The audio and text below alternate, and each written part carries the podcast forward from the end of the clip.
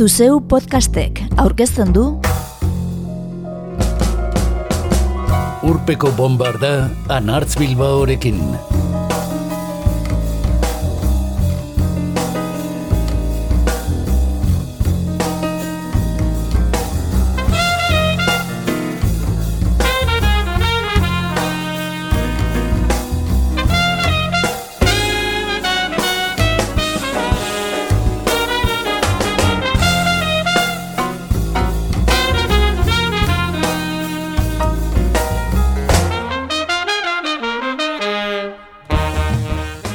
Urpeko bombardan ez gara inoiz zutunik jarri taula baten gainean, baina maite dugu surfa.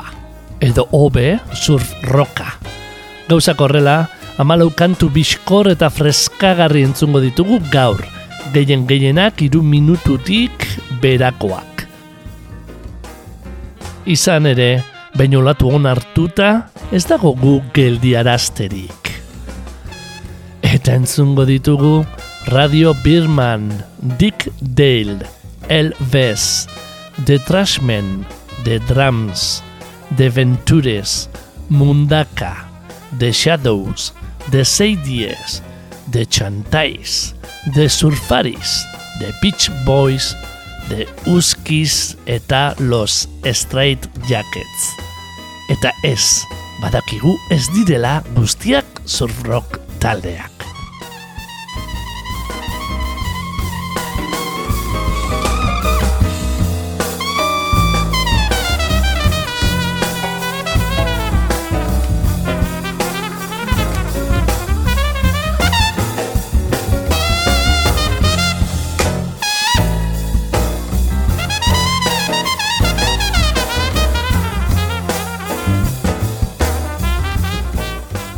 Maite dugu zurroka, eta azpigeneroaren doinurik sonatuenetako batzuk dakartzagu gaurkoan. Dantzatu ez bada, gutxienez inoiz entzun izango zenituenak entzule. Filmetan besterik ez bada ere. Eta hasi, Radio Birman Australiarrekin hasiko gara. Dennis Tech eta Rob Jaungarrak gidatzen duten taldea ezingo genuke ez rock talde gisa hartu. Baina aloha Stefan Dano kantuan itxasoa da. Olatuen joan etorrian entzuten den lehen soinua.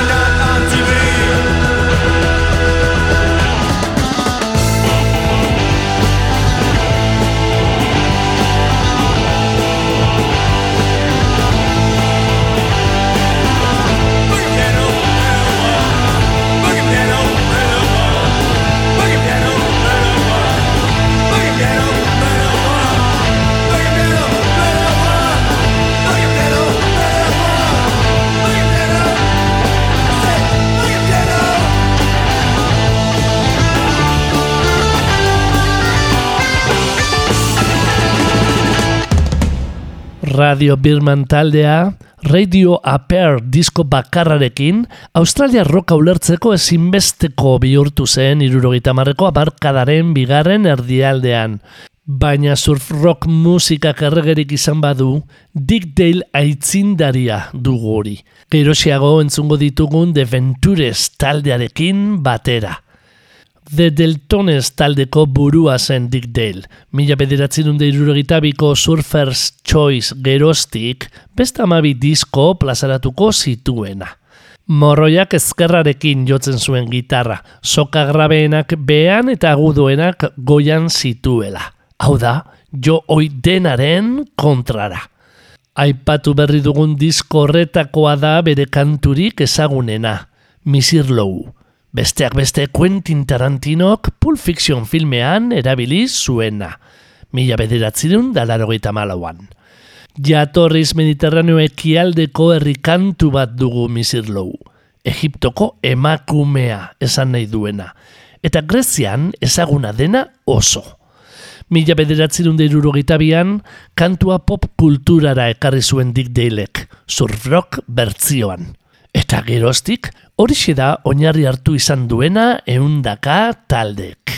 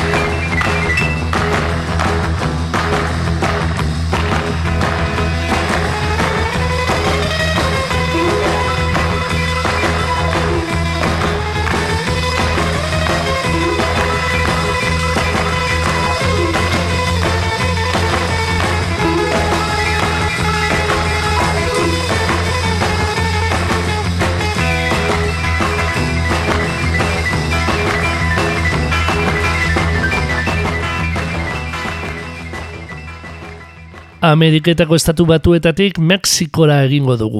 Edo gutxienez mugara jo. Bi herrialde hauen artean ara eta ona ibiltzen baita Elvis, Elvis Mexikarra. Robert López Kalifornian jaio zen, baina jatorri latinoa du. Arro aldarrikatzen duena.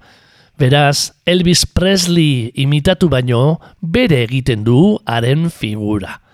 Mila bederatzen da laro eta malauko Gracias Land diskoan berbarako Suspicious Mind, Sympathy for the Devil edo Blue Suede Shoes rock klasiko ezagunak berdirakurtzen ditu. Inmigrazioa eta kultura txikanoa aldarrikatu bitartean. Azala eta diskoaren izen ere, Gracias Land, Paul Simonen Graceland diskoaren parodiatxoa dugu. Los Mariachis Mexicanos taldearekin grabatu zuen diskoa, eta Las Elvetes koristekin aurkeztu zuzenean. Disko bikaina da Elvesen Gracias Land, eta bere horretan sofroka jorratzen ez badu ere, lasai entzule, apurka-apurka sartuko gara uretara. Baditu izugarri maite ditugun kantuak. Hemen bat, go zapata, go!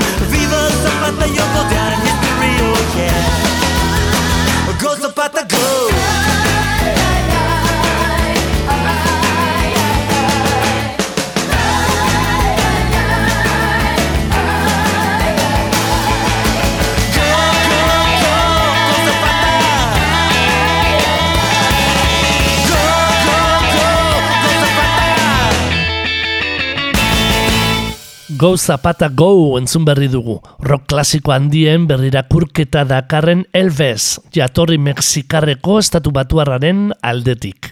Eta entzuleren bat kexatzen hasi baino lehen, biztan da entzun berri duguna ez dela soft rocka, generoaren talderik ezagunenetako batengana aurreratuko gara orain, The Trashmen. Zabor biltzaileak irurogeiko amarkada hasieran sortu ziren Minneapolisen, Eta beraz, Koloradoko de astronautzekin batera, Ameriketako estatu batuetako surf rock talde itzaltzuena da itxaso ertzean sortu ez direnen artean. Mila bederatzerun derurogeta iruko surfing bird dute arrakasta nagusia. Aurkientzun eta jotzen hasi orduko ezaguna egingo zaizuna entzule. Kantua makine bat filmetan agertu da, eta beste horren beste taldeek bertzionatu izan du. De Ramonesek edo de Krampsek berbarako. Surfing Bird. Oh, well, everybody's heard about the bird. bird, bird, bird. The bird's a winner.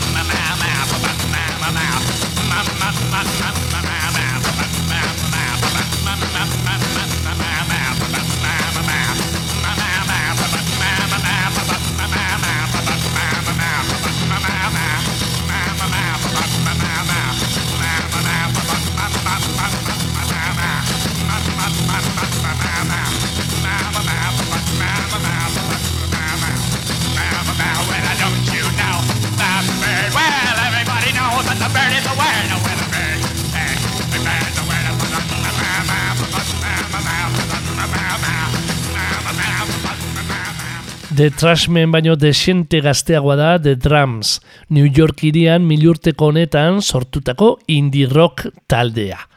2008an debut homonimoa egin zuten, eta txistuka surfeatzeko asmoa agertu. Let's go surfing!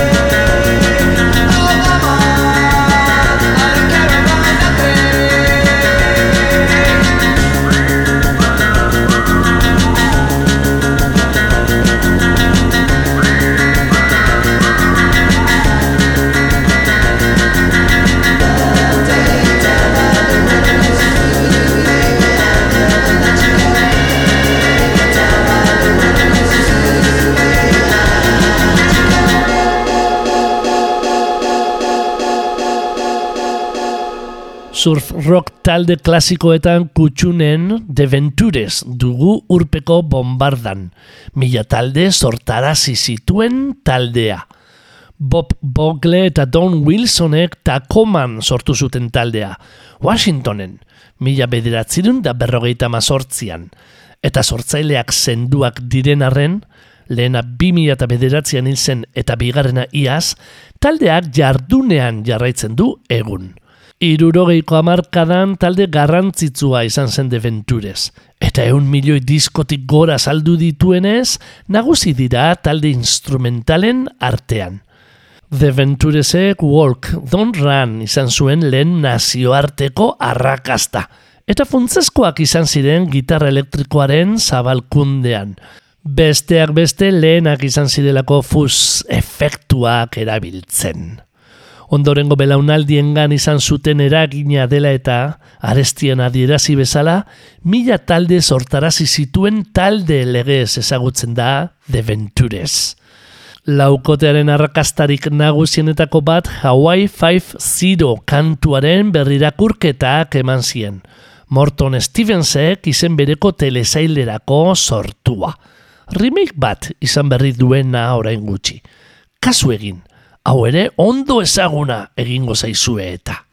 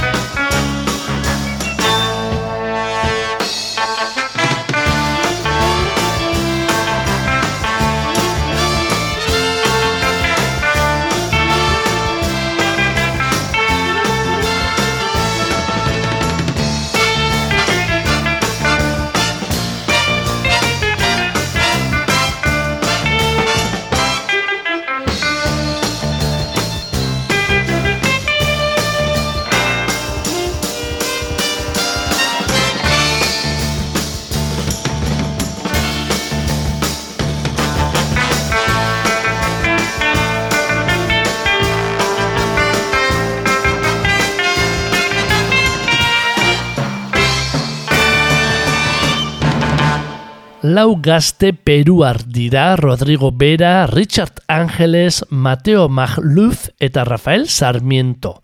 2008an musika talde bat eratu zutenak Liman. Drip pop, rigi, jazz eta surf rocka jotzea dute maite. Eta mundaka izendatu zuten laukotea. Ara. Mundakak bilan luze eta hiru EP plazaratu ditu. Azkena iasko apatrida guk entzungo dugun kantua baina, Endless Summer, 2008ko sonata tropical del Artiko lanetik hartu dugu. Argitaratu zuten lehen elepetik.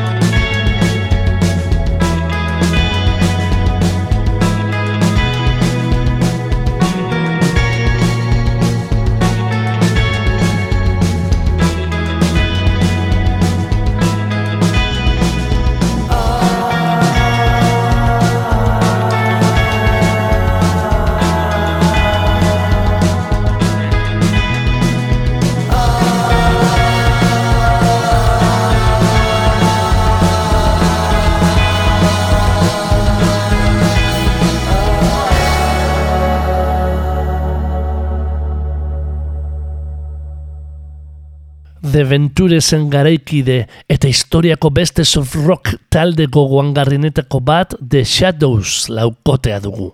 Britaniarra onakoan. Taldea mila bederatzen da berrogeita mazortzian sortu zen. The Beatlesen estanda baino lehen Cliff Richard laguntzeko talde gisa. Hasiera batean Drifters izenarekin. Eta itzindariak izan ziren rock instrumentala egiten. Arrakasta batzuei ahotza ere eman zioten arren. The Shadowsen kanturik ezagunenen artean dago berbarako Apache. Baita jarraian entzungo dugun Wonderful Land ere.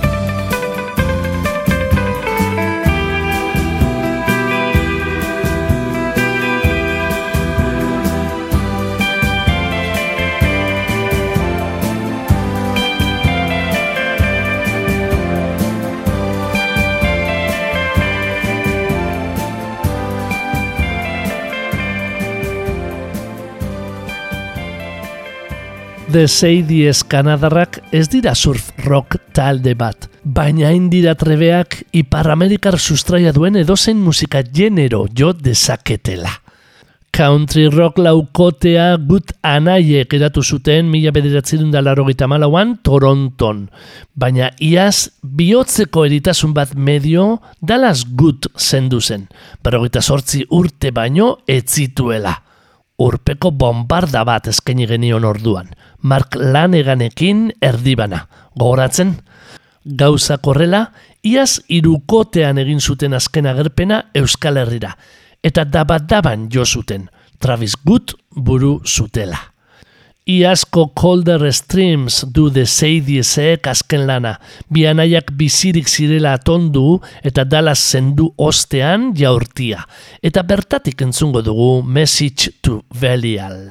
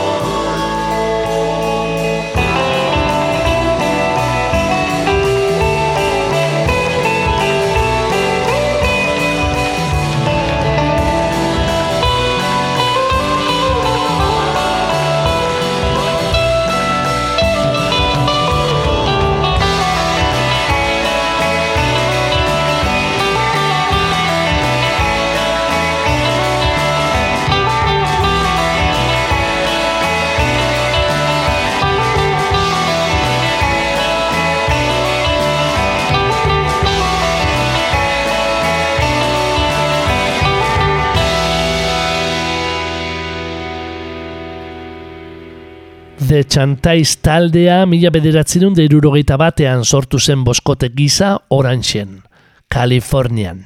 Beraiena da Pipeline kantutzarra, surfeko olatu tutua. Bob Spickart eta Brian Carmanek ondua. Guk Deventурesen gitarretan ezagutu bagenuen ere. Sei amarkadako ibilbide luzea izan duen de txantaiz, gainera jardunean da oraindik ere, aizu.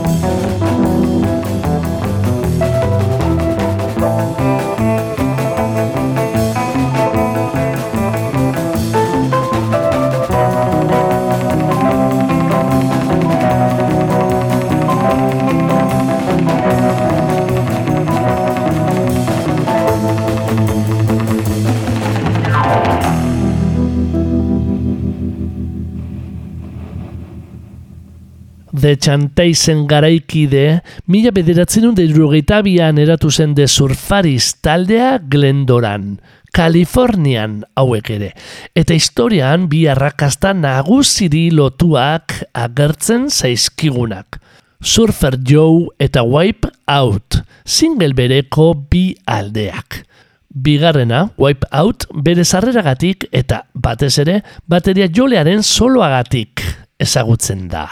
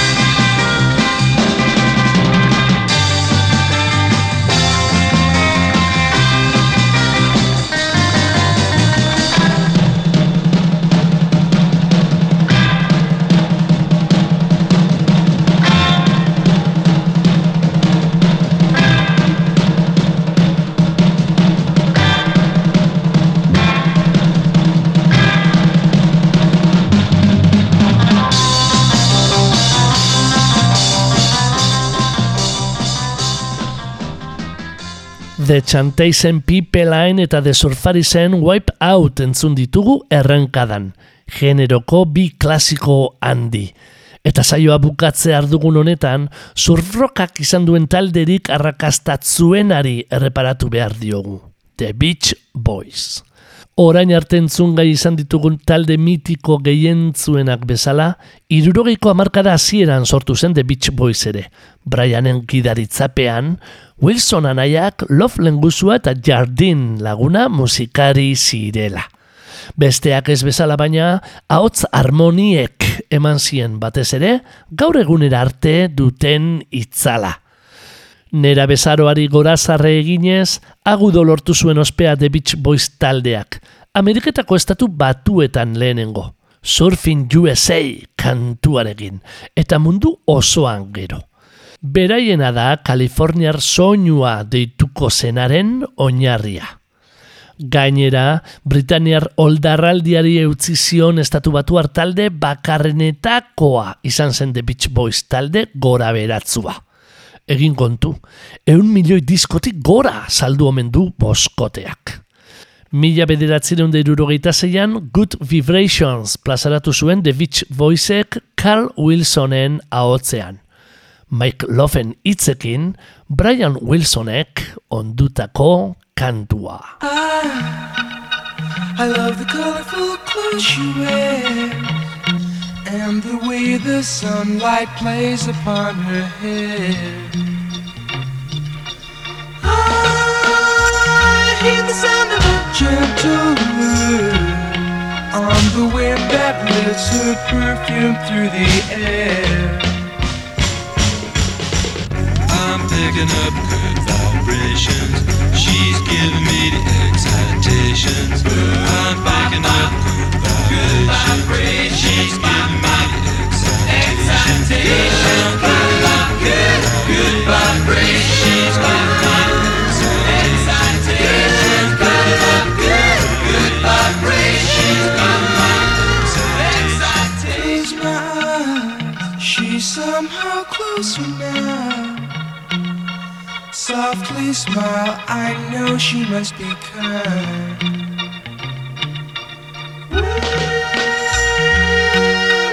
In her eyes, she goes with me to a blossom room.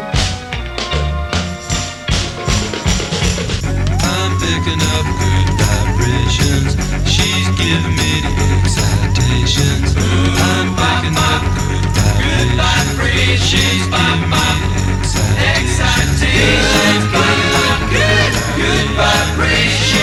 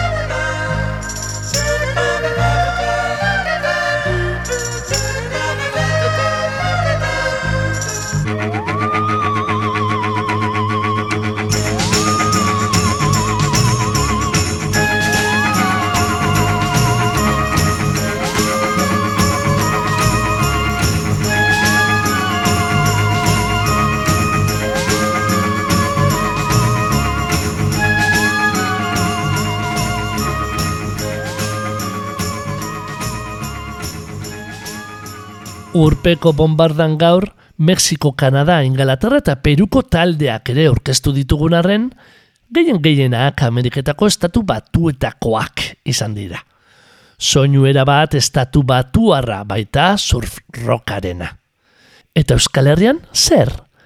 Surfak, surf rockak baino estima handiagoa izan duen arren, bada surf rock gitarrak astintzen duen talderik ere. The Uskiz sonatuena. Ibarrangelu eta elantxobe inguruko euskaraz kantatuz, boskoteak lau LP eta bilduma bat plazaratu zituen 2005-2005 bitartean. The Beach Boys bezala gainera, lenguzu eta nahien arteko taldea izan dugu The Uskiz. 2007an barikun plazaratu zuten. Azal morean Volkswagen California furgoneta eta surf taulak ageri dituena. Bertako kantua da gabero zubarik.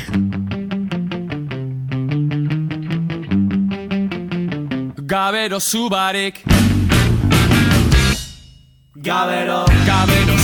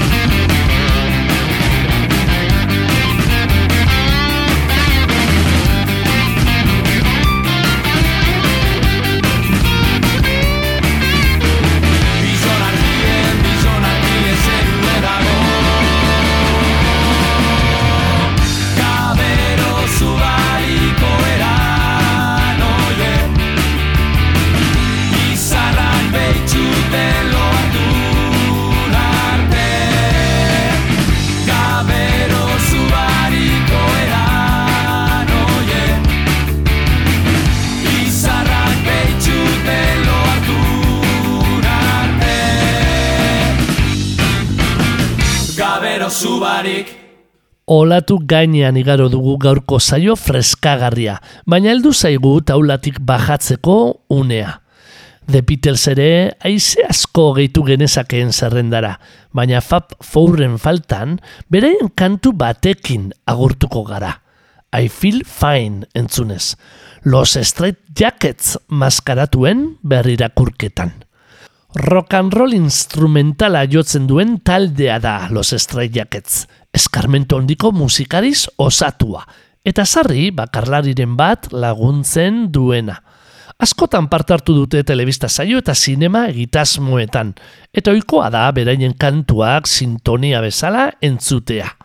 Honakoan, ohartarazi legez, The Beatles bertzioneatzen entzungo ditugu urpeko bombarda itxaspean gorde baino lehen. I feel fine baikorra. The Beatlesek mila bederatzireun da irurogeita lauan plazaratu zuen John Lennonek idatzitako kantua. Single bezala, bealdean Paul McCartneyren She's a Woman zuela. Hasierako riffak Bobby Parkeren Watch Your Step kantua eitu oinarri. I feel fine.